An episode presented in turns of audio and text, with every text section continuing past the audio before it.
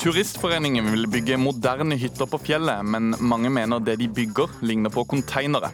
Arkitekt Finn Sandmæl er ikke imponert.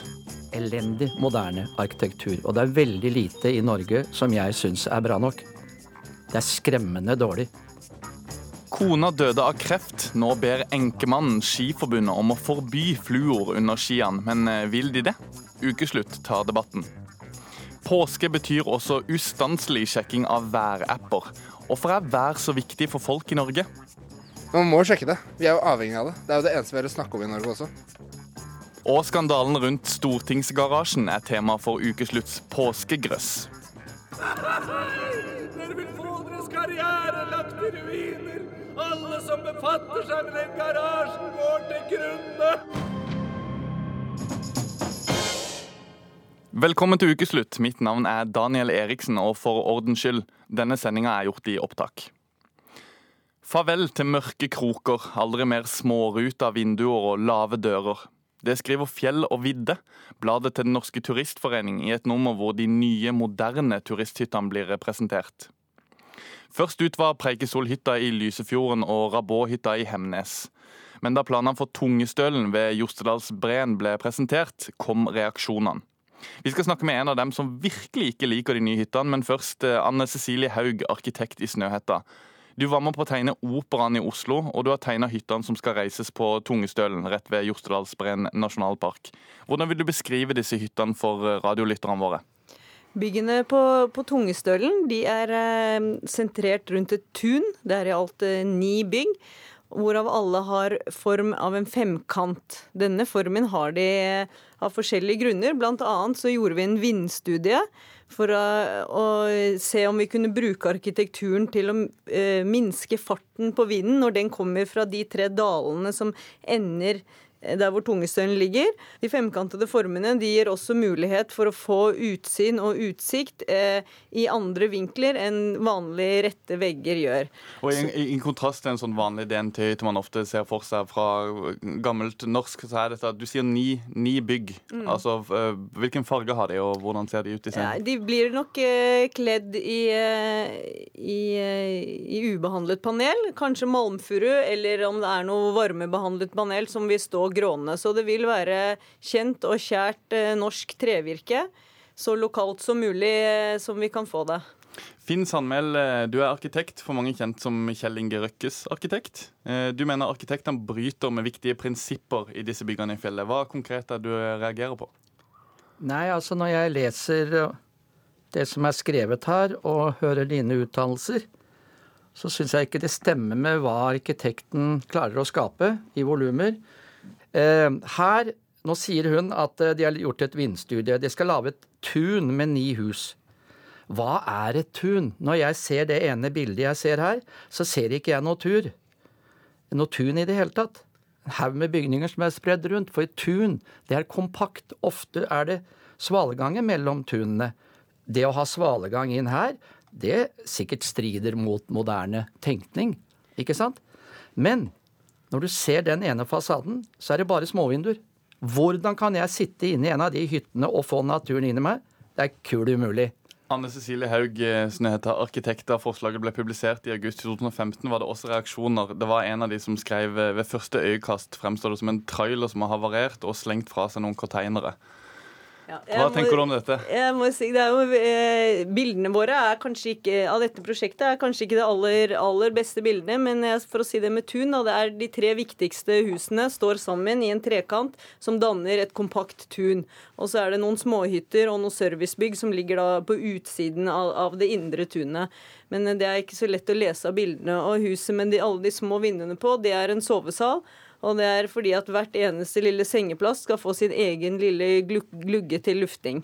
Men jeg kan stille et enkelt spørsmål. Hvorfor bygge sånn, og ikke en tradisjonell, vanlig DNT-hytte, som noen vil beskrive det som? Kan jeg få lov å kommentere på det? Turistforeningen melder seg på. Mette Øynes Havbestad, kommunikasjonssjef i Turistforeningen. Vi kan spørre deg, da. Ja. Hvorfor velger dere å bruke Snøhetta, og ikke en eller annen tømrer som snekrer sammen en hytte?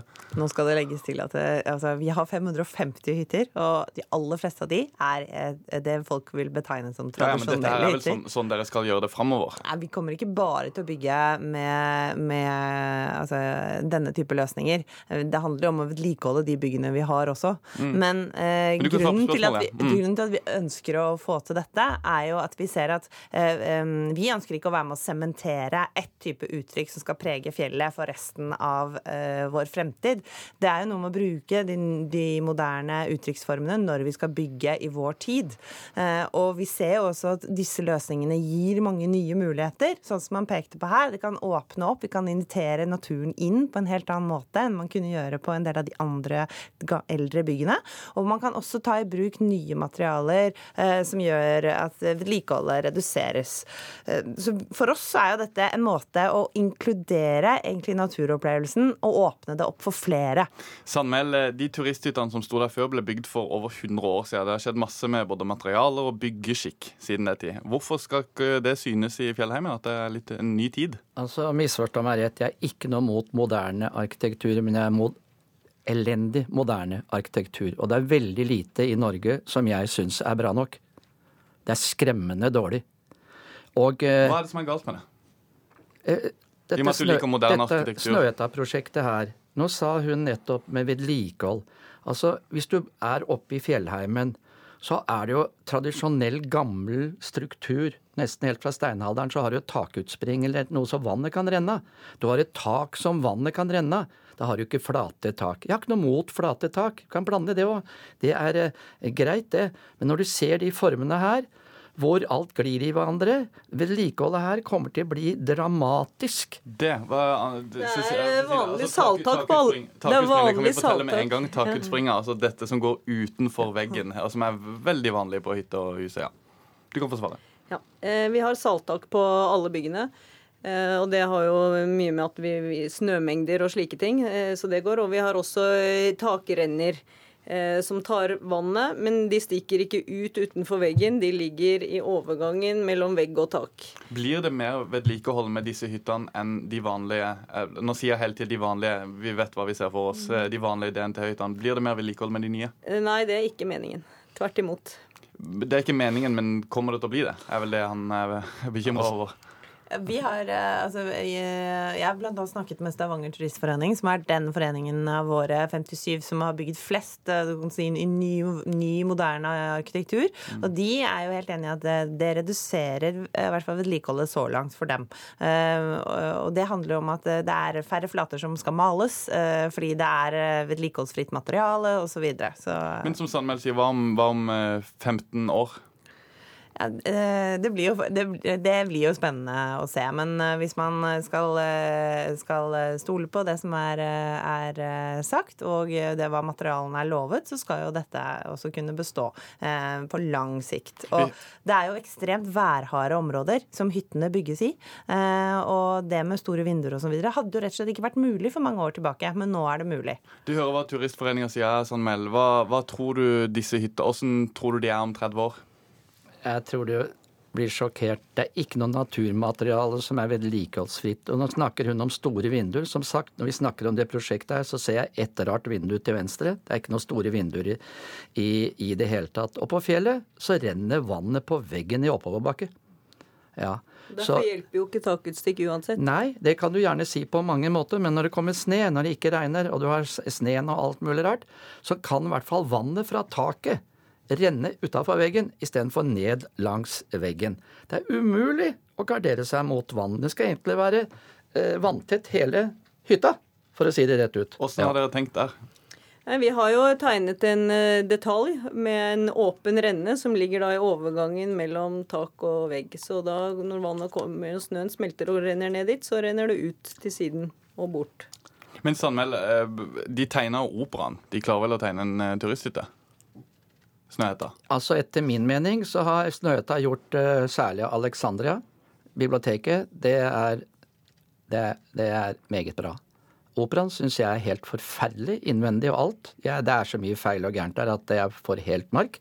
Men det er nå så. Å si Det det, det, er som å banne i sending. Ja, men nå skal ikke operaen vi skal diskutere her, og nå har vi bundet oss bare på denne ene Snøhetta-hytta. Mm. Ja. Og Turistforeningen sitter her og sier, snakker om vedlikehold og sånn. Hva har, unnskyld meg, eh, de som sitter i komiteen der greie på arkitektur, struktur og vedlikehold etc., etc. Det kan dere få lov til å svare på i Turistforeninga. Når det gjelder vedlikehold, så har våre folk veldig eh, stor eh, innsikt og kunnskap. Vi har jobbet med å etablere hytter i norske fjellheimen i 150 år. Sånne, sånne hytter også. Nei, men, eh, men vi bygger mye erfaring på å se på hva som består over tid. Og, Og da har man også brukt ulik materiale over, eh, over alle de årene. Og når man skal gjøre valg for uh, nye hytter, så er det uh, noe alle våre foreninger står fritt til å være med å velge. Men de setter jo sammen da uh, ressurspersoner i sitt styre og i, administrasjonen sin, dersom de har en administrasjon. Og det er som regel høyt kompetente mennesker som engasjerer seg for de har et brennende hjerte for friluftsliv og gjerne vil være med å bidra. Det sitter mange arkitekter og advokater og jurister og andre i, også i DNT rundt omkring. Sandmeld du rister på hodet. Ja, jeg setter ikke spørsmål med menneskene som er der, men jeg snakker om kompetanse innen struktur og arkitektur. Nå ser jeg det andre bildet her. Vi snakker om denne hytta. Det er ett stort bilde på enden der som er eh, en merkelig fasong. Hvor sitter du i den hytta og får fjellheimen rett inn i trynet? Det, får, det kan ikke jeg skjønne ut ifra de bildene jeg har sett.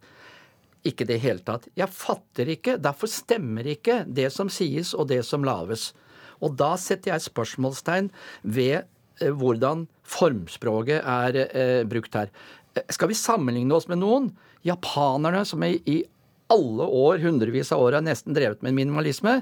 De har greie på det, og de lager noen fantastiske perler. Det kan vi også gjøre i Norge. Men hvis du er utdannet arkitekt i Norge, og du snakker om gress på taket, da er det jo faen meg en sånn drittsekk som meg, som da liker noe av det klassiske. Ikke sant?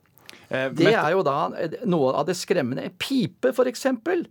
For Mette- meg er Ja, ok. Jeg må bare gi, Vi har ikke altfor mye tid her. Mette Øynes Havestad i eh, DNT. Vi hører en av de som, eh, som klager her. Ja. Hvilke andre er det som klager, og hva er det de sier? For det har vært noen. Ja, det, det, det er jo en del. Det er en, jeg vil si det er en høylytt minoritet som gir uttrykk for sin misnøye. Og det er også ofte kjernebrukere som har brukt fjellet i veldig mange år. Det som er har kanskje gått de man må høre på? Eller? ja, jeg, altså, Vi skal høre på flere. DNT skal være en organisasjon for så mange som mulig som har lyst til å bruke naturen. Eh, og vår jobb er å åpne den opp for flest mulig.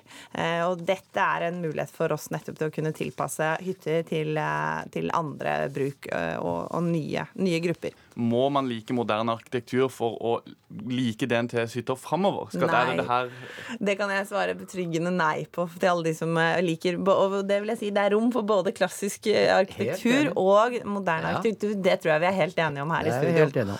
Anne Cecilie Haug, eh, tar du folks meninger med i tegneprosessen? Altså Tegner du Jeg om hvis det er tegner ikke om etterpå fordi noen syns det er stygt, nei. Men jeg tar heller det til at noen reagerer, det tar jeg som et kompliment, for det betyr at noen engasjerer seg i hva vi gjør, og det syns jeg er veldig, veldig gøy. Så vi får jo eh, også positive meldinger. Det skal også nevnes. det skal sies at eh, det er ikke bare negativ. Og så syns jeg vi kan si nå at de som nå har gått i fjellet i i 50-60 år, de har, de har sett veldig mye like hyttetyper. Og for dem så er det hyttetyper. Den neste generasjonen vil ha, en helt annen mangfold som referanse for hytter. Og for dem så vil ikke den ene hyttetypen nødvendigvis være så veldig mer, mer naturlig enn den andre. Vi har ikke altfor mye tid her, nei, men eh, først Turistforeninga og så Samuel. Jeg må bare få si at og Vår erfaring er helt entydig. Eh, Når hyttene først er reist, så stilner eventuelt kritikken, og besøket går i taket. Eh, Og det er, et, og det er mange nye brukere som kommer og opplever fjellet for første gang. Du, nysgjerrigheten er større enn kjønnslista i det landet her. Og er du oppe i fjellet, så blir du kanskje kåt, ikke veit jeg. Men nysgjerrigheten gjør at folk selvfølgelig vil besøke Snøhyttas uh, hytte. Men det spørsmålet jeg stiller er, kommer de tilbake igjen? Det er det interessante Det de. spørsmål. Anne Cecilie Haug, seniorarkitekt Snøhetta, Mette Øynes Habberstad, kommunikasjonssjef i Den norske turistforening, og Finn Sandmæl, arkitekt, eller utskjelt arkitekt som du kalte det da du gikk inn i studio. Vi tar ordet fra dere og gir det til Bob Marley, 'Could You Be Loved', i ukeslutt. Utbyggingen av Stortingsgarasjen er blitt omtalt i utallige nyhetssaker denne vinteren. Men hva som egentlig har fått kostnadene opp i milliardklassen, har vi ikke klart å forstå. Vi i Ukeslutt har i hvert fall ikke klart det med vanlige journalistiske metoder. Så vi ga oppdraget til noen som ikke trenger å tenke på Vær varsom-plakaten.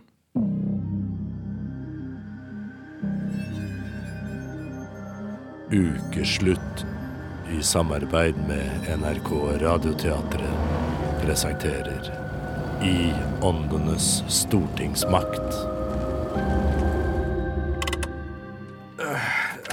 Ikke glem ekstra batterier til kamera, Lilly. Jeg glemmer aldri noe, men, men jeg føler at telefonen din ringer snart.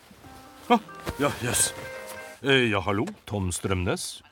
Eh, ja, fru statsminister, vi er snart i gang der nede i garasjen deres.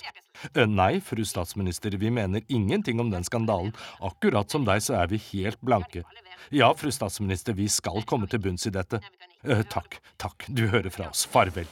Jeg har tillit til at vi skal løse gåten. Ja, tenk Lilly på alle de årene vi er blitt latterliggjort. Ja. Finner vi ut hvem Eller hva? som hindrer utbyggingen av denne garasjen, blir vi tatt på alvor, og hele Norge vil takke oss. Sånn, her er vi. Men hvordan åpner vi denne porten inn til garasjen, da? Vent, jeg kan føle Ja.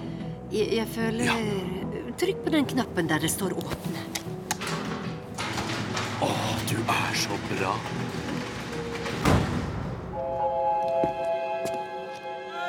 Vend om, vend om, det er livsfarlig å gå ned dit! Og jeg kan føle en tidligere stortingspresident. Hør på meg! Dere er fortapt om dere går ned der! Eh, Men det er vår plikt å undersøke dette. Nei, nei! Dere vil få deres karriere lagt i ruiner! Alle som befatter seg med den garasjen, går til grunne! Vi føler ansvar for det norske folks skattepenger. Så gjør som oss! Ta ansvar! Snu! Gå og vis dere aldri mer her! Å, jeg, jeg kan føle smerte. Lidelse og nød. Ja, Her er det sterke følelser i spill. ja, og utstyret gir voldsomme utslag. En ånd. En ekte ånd. En ekte jøss.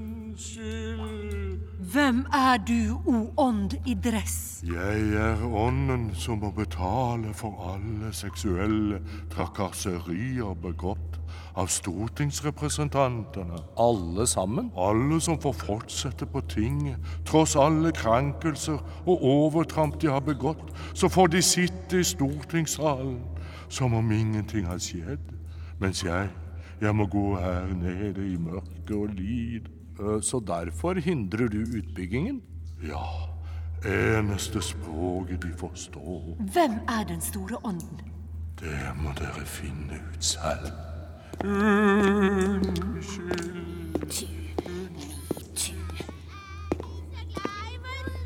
Endelig positive vibrasjoner. Ja, se, en liten jente i bunad. Hva gjør du her, lille jenteånd? Jeg er ånden av de sviktede barn. Eh, Men vi er jo kjent for å forsvare barns rettigheter. Ikke nå lenger. Siden regjeringen ikke vil tilslutte seg FNs barnerettsprotokoll om at norske barn skal ha rett til å klage på brudd på deres menneskerettigheter, og at Norge i FN jobber for at barn skal kunne fengsles, så har vi barnas ånder i Norge gått under jorden og vil være her til deres FN-bestemte menneskerettigheter blir respektert av Norge.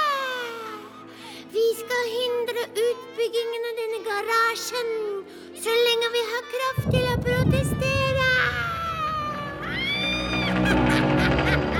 Kom dere bort! Kom dere bort! Her blir det heksejakt! Dere skal interneres! Dere skal kastes ut, barn eller ei, syke eller nødlidende! Dere kan ikke gjemme dere! Ikke i vårt land! Det er ingen barnehage her i Stortinget! Ikke i kirker eller noe sted! Ut, ut, ut! Bort! Vekk! Lykkejegere! Gjem dere!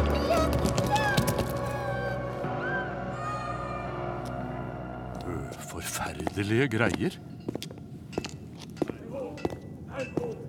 Jeg, jeg føler noe i arbeid. Eh, kanskje det faktisk er noen som får til å bygge denne garasjen? Det, det kommer fra den store konteineren der. Hva, hva står det det heter? Nammo? Våpenfabrikkene våre? Hva gjør de nedi her? Ja, vi åpner. Uten oss er Nammo null. Hei hå! Hei hå, hei hå, hei hå! Hei hå. Men i alle dager, eh, bor dere her? Ja, vi lager våpen som er forbudt av Genévekonvensjonen.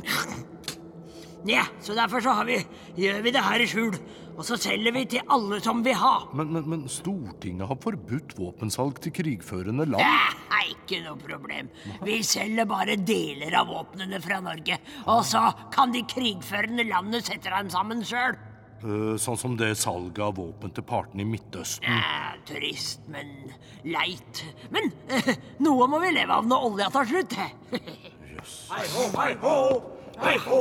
Vår velferd bygges nå. De andres død er Norges gull. Vi er Så nordmenns velferd er basert på andres ulykke og nød? Ja, vi må finne den store ånden. Røkelse og musikk. Å, Han kommer. Han kommer. hold meg i hånden. Åh. Dalai Lama. Flykt ikke, jeg kommer med fled. Men alle åndene sier at du er den som ødelegger utbyggingen av garasjen og gjør den så kostbar. Det er fordi Stortinget svikter sin idealer, og dere skal formidle budskapet mitt til det norske folk. Du er ikke bare furten fordi du måtte komme til Stortinget inn bakdøren? Jo, kanskje litt fulten nå vil det. Ville ikke regjeringen møte en slik mann? Nei, de ville selge laks til Kina istedenfor å forsvare menneskerettighetene. Det moralske forfallet i det norske folketinget svikter det norske folks gode moral. Frihet, likhet, blodskap. Lykke til med det. For jeg føler eh, nederlag og, og evig svik.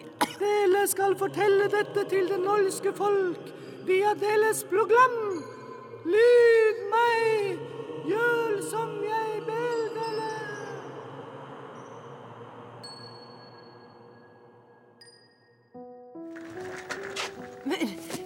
må sende dette programmet. Det norske folk trenger ikke å vite noe. Bare de ler, så er vi fornøyd. men, men, men, men vi svikter dem hvis vi ikke forteller den egentlige grunnen til garasjeskandalen. Altså, Sender vi dette, så får vi ikke fornyet konsesjonen vår av Kulturdepartementet. Og hvem skal da få folk til å le? Skal de bare le? Gi meg alle harddiskene deres, så skal jeg sende dem til destruksjon. Hva? Men, og så snakker vi ikke mer om dette. Dette kan jeg ikke mene. Men Dere vil vel ha en ny sesong? eh, ja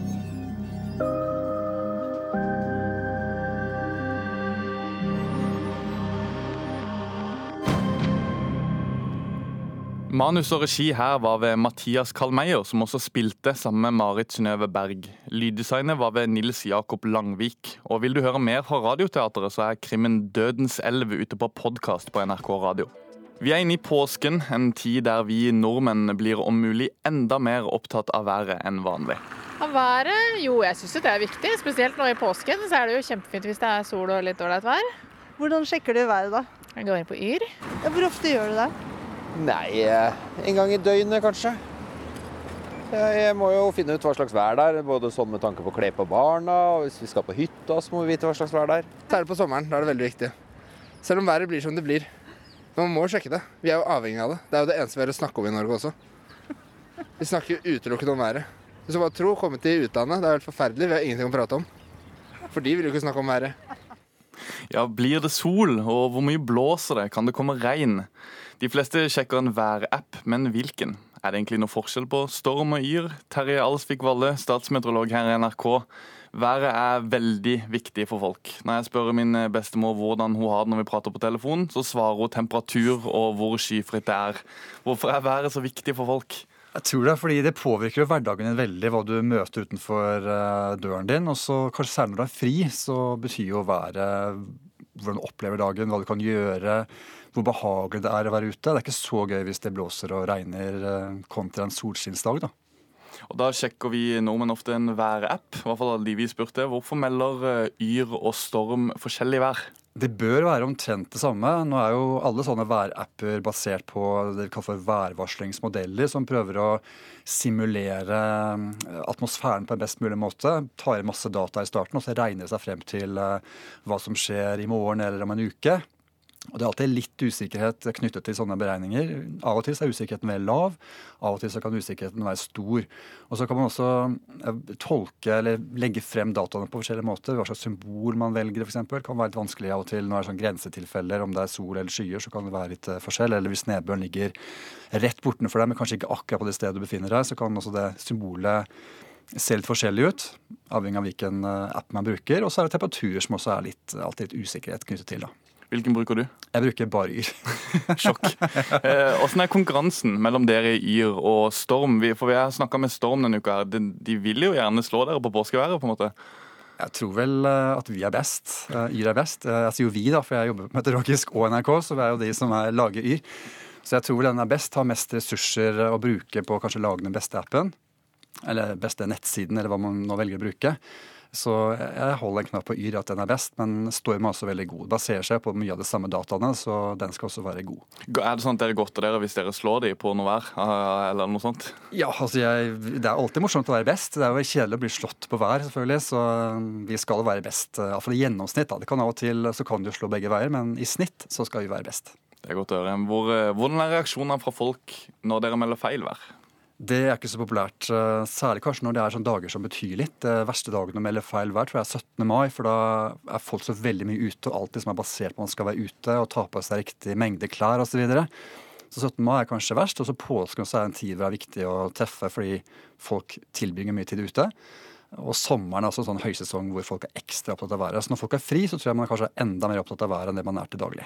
Så det er litt sånn ekstra stas å melde været i påska og på på 16. mai, kanskje? Ja, det er sånn, da betyr det litt ekstra mye. da. Det betyr jo alltid mye. Det er, alle meteorologer verste jeg vet, er å ta feil. Så det, eh, man vil jo gjerne treffe uansett, men det er ekstra morsomt, tror jeg, å Særlig man kan si at det blir fint vær. da. F.eks. i påsken at det blir en knallpåske. Det er jo helt eh, kanon å kunne si det. Så det, det er drømmescenario å kunne varsle sol eh, for flest mulig. Vi snakker jo litt om forskjellen på de to tjenestene. Er det sånn at folk går etter den tjenesten som viser mest sol? At det er en sånn den ting folk snakker om at ja, men det er en sånn tjeneste som bare de viser deg bare mye sol, sånn at du går inn på den. Er det noe der, eller er dette bare sånn folk snakker om på DNT-hyttene? Jeg tror det er en myte. Jeg har ikke hørt at folk velger aktivt den som viser mest sol, men uh, hvis man er veldig usikker, så kan det være greit å sjekke begge. da. Så har man, hvis det, hvis det er forskjellig, så kan man få tolke det som at det er ganske usikkert. Så viser Yr og Storm forskjellig vei, så vil jeg si at uh, at uh, usikkerheten er større enn den er til vanlig. Det høres ut som en gravesak for ukeslutt neste påske. Terje Alsvik Vallø, statsmeteorolog her i NRK, takk for at du kom til ukeslutt. Fortsett å høre på Ukeslutt, for eh, fluor under skiene gir god glid. Men eh, det er så helseskadelig at det bør forbys, mener initiativtakeren i Tøffest uten fluor. Skiforbundet svarer i Ukeslutt. Og hvordan skal Daniel Kvammen få med seg gitaren og yndlingsforsterkeren når han skal gå på ski fra hytte til hytte i påska? Det skal du få høre snart. Toril Stokkabø gjorde som mange langrennsforeldre. Smurte skiene til de tre barna sine hver helg før konkurranser, i en smørebod i garasjen. Også da fluoren kom, sto lenge og smurte uten noe verneutstyr. Så kom sjokket. Hun fikk nyrekreft. Det var jo et sjokk, selvfølgelig. Toril var den sunneste av alle sunne, både i forhold til kosthold og i forhold til egen trening osv. Og, eh, når vi først ble fortalt hvor alvorlig det var, så lurte vi jo selvfølgelig på hvorfor vi hadde fått, eller hun hadde fått, den krefttypen. Og da konkluderte jo legene på, på Radiumhospitalet ganske raskt med at uh, dette har nok med skismøring å gjøre. Uh, vi fikk beskjed om at det var relativt vanlig uh, med skismøring og kreft. Og så begynte vi å undersøke, og da kom det frem at fluor er en veldig kreftfremkallende stoff. Eiendomsutvikler Arne Vannebo sitter på kontoret sitt med flott utsikt over Sandvika og Oslofjorden. På veggen henger fire portretter, ett av hver av de tre barna og ett av kona Toril Stokkebø. Hva visste dere om fluor den gangen? Vi visste egentlig ingenting. Vi visste at det hadde veldig god effekt på skiene. Du hørte at Etter hvert så hørte du at du skulle bruke verneutstyr, du skulle bruke maske osv. Men når du står og smører skiene til egne barn, og du gjør det kanskje en eller to timer eh, fredag ettermiddag kveld og lørdag ettermiddag kveld før skikonkurranse neste dag, så tenkte jeg at det var så lite at for oss betydde det egentlig ingenting. Stokkebø lot seg intervjue anonymt i et skiblad for å advare andre mot fluor. Etter at hun døde i november 2016, har mannen Arne Vannebo fortalt åpent om hennes historie for å advare andre. Det har vært en ja, fem, seks, syv, åtte enker som har tatt kontakt med meg i ettertid og fortalt om at de har mistet sin ektefelle eller sin mann. Uh, hvor de også enten har fått beskjed om at det har med skismøring å gjøre, eller at de har hatt antagelser om det. Uh, så dette er jo mye mer vanlig, dessverre, enn det folk er klar over. Og vi selvfølgelig visste jo ingenting om dette. Langrennsinteressen i familien er ikke lenger det den var. Eh, nå har de lagt opp eh, alle tre, eh, og det er jo ikke så rart. Man, får, man, gjør seg sine tanker knyttet til eh, de verdiene skisporten står for, og dette jaget etter de ekstra sekundene. Selvfølgelig, så sett i ettertid, så var det jo det var jo ingen hensikt i å smøre skiene med fluor for at det skulle gå litt fortere på skirenn. Så du gjør deg jo noen helt andre tanker i, i ettertid, selvfølgelig. Så nå har alle tre barna slutta aktivt på ski. Kreftforeningen advarer mot fluor på sine sider. Folkehelseinstituttet viser til studier som viser en svak sammenheng mellom fluor og enkelte kreftformer. Deres pilotstudie viser at nivåene av støv og helseskadelige fluorstoffer i smørområdene på amatørskirenn kan sammenlignes med det de profesjonelle skismørerne ble utsatt for før de fikk smørebusser. Jeg syns jo det er feigt av Skiforbundet at ikke de går ut og advarer egne medlemmer om eh, farene ved skismøring, når de vet hvor farlig det er. Og det, det vet de. De vet at uh, skismørere dør og har dødd pga. fluorbruk. Og da syns jeg det er feigt å ikke gå ut og så innføre det forbudet allerede nå. Reporter her var Linn Beate Gabrielsen. Britt Baldisol, utviklingssjef for langrenn i Skiforbundet. Grunnen til at man bruker fluor er jo naturligvis for å få mye bedre glid. Men når det er både helse- og miljøfarlig, hvorfor kan dere ikke bare forby fluor? Nei, altså eh, fluor er jo eh, et eh, stoff som brukes eh, sjølsagt til mange. Og eh, det er jo sånn at det er faktisk ikke Norges Skiforbunds ansvar å drive helsepolitikk i Norge. Og så lenge det her ikke er et eh, forbudt stoff å bruke, så er det egentlig da, mener vi, helsemyndighetenes ansvar. Så dere skal ikke advare mot dette i det hele tatt? Det er ikke deres ansvar?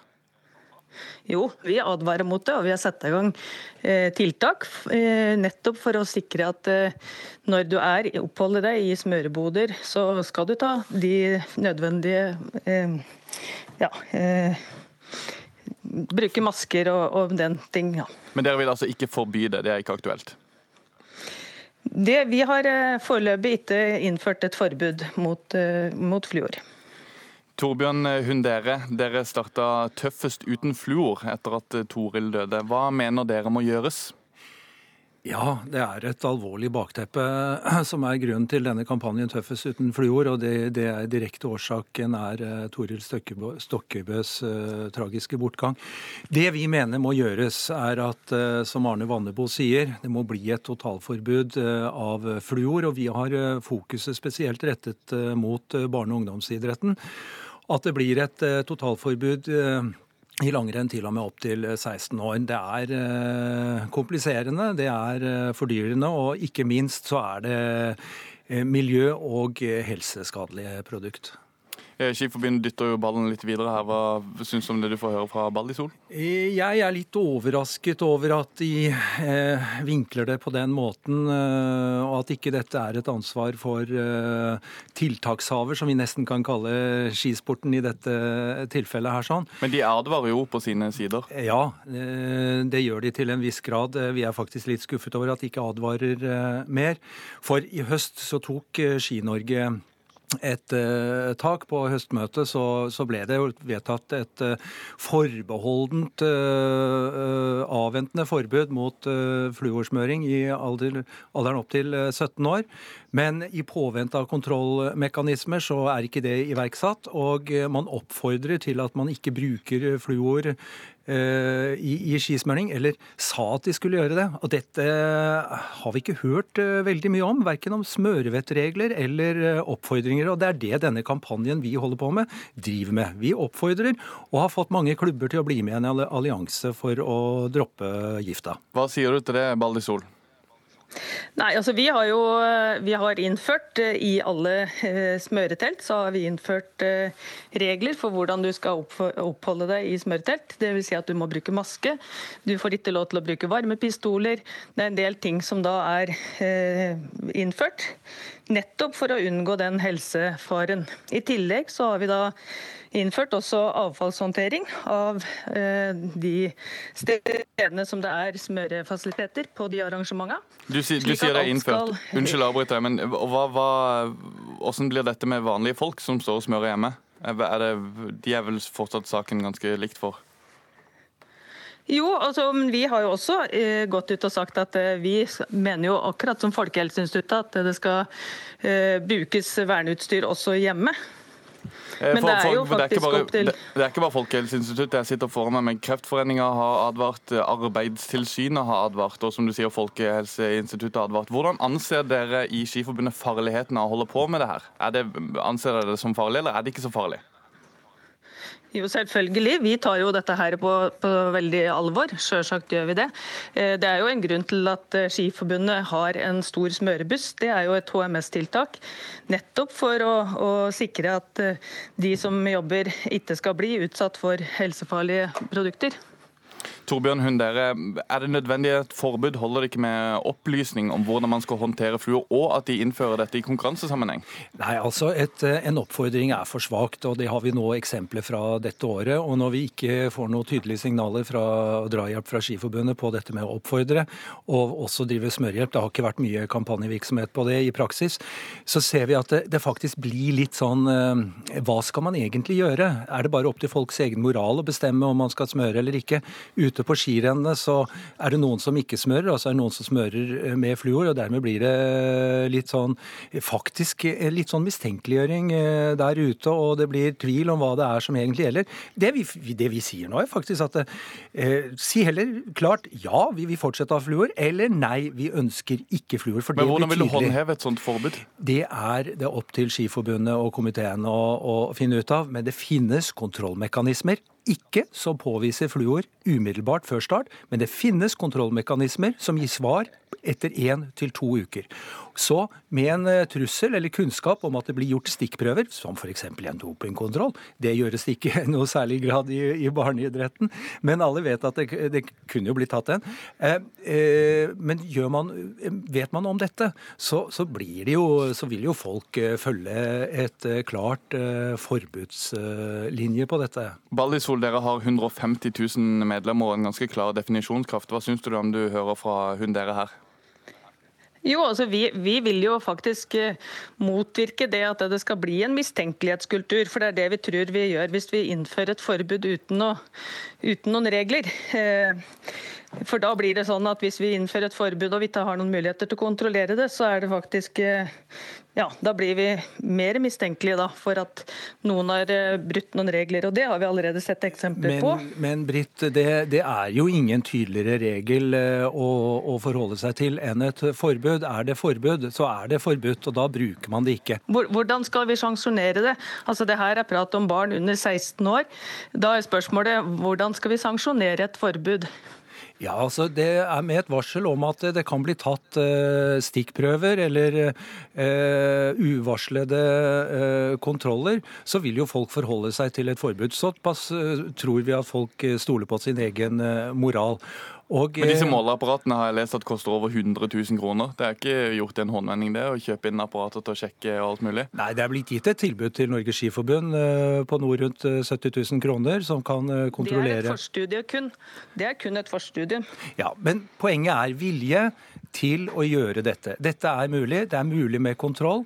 Og man kan finne sanksjonsmuligheter som er eh, OK for barne- og ungdomsidrett. Det viktigste er at det blir tydelige regler. Da vet man hva man forholder seg til. Men hjelper det at Norge gjør det hvis ingen andre gjør det?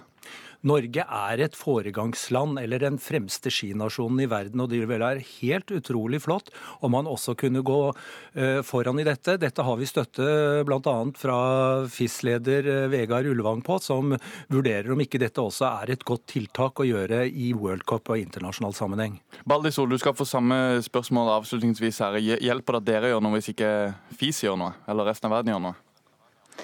Eh, altså Selvsagt så er Norge en stor skinasjon og kan for så vidt være en nasjon som går foran. Men vi kan ikke stille opp i en konkurranse der ingen andre bruk, har et forbud. Da vil jeg si det samme som at da har vi ingen sjanse, faktisk, sånn som det er i dag.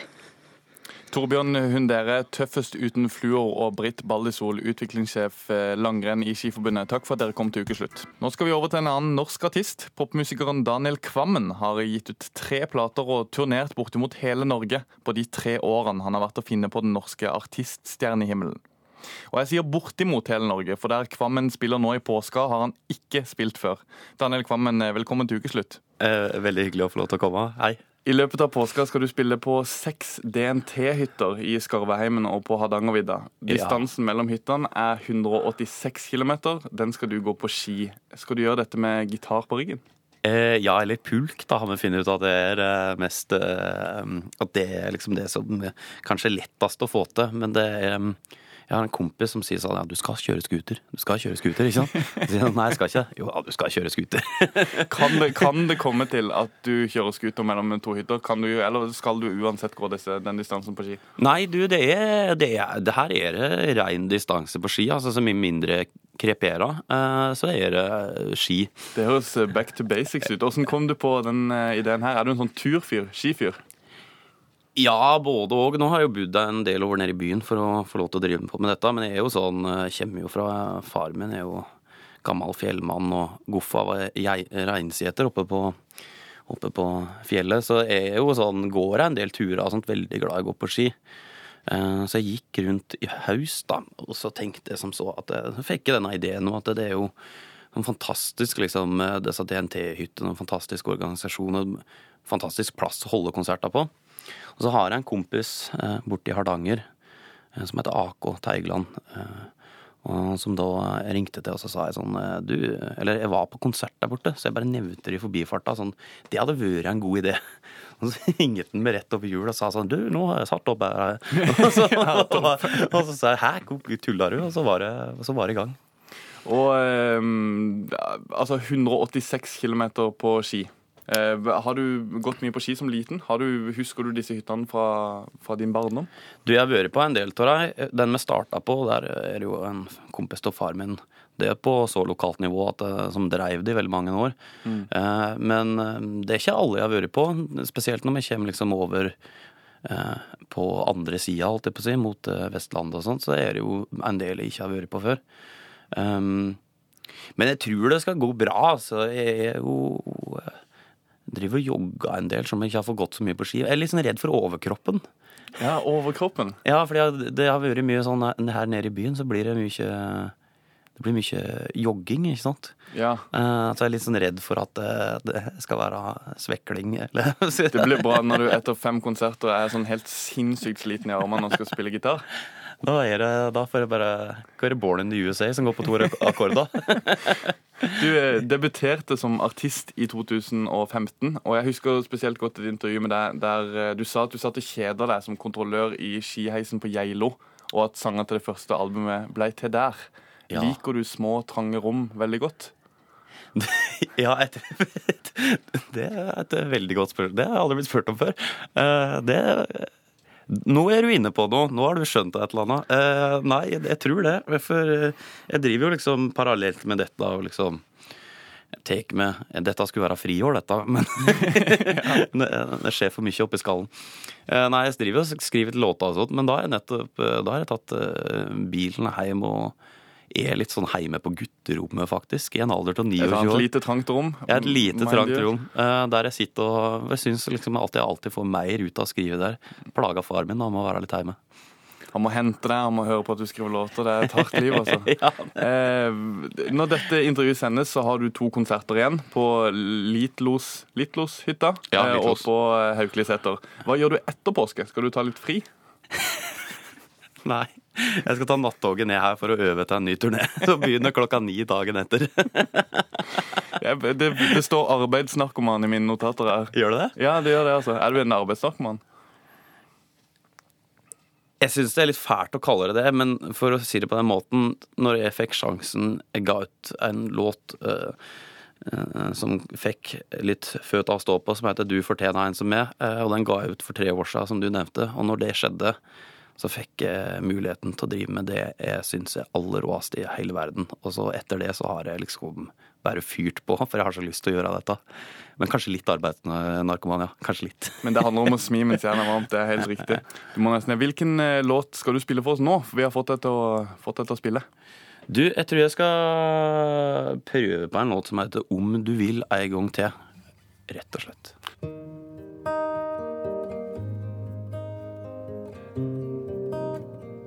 Takk for det, Daniel Kvammen. Ansvarlig for denne sendingen var Kari Li. Teknisk ansvarlig var Erik Sandbråten, og i studio var Daniel Eriksen. Det var det vi hadde i Ukeslutt denne uken.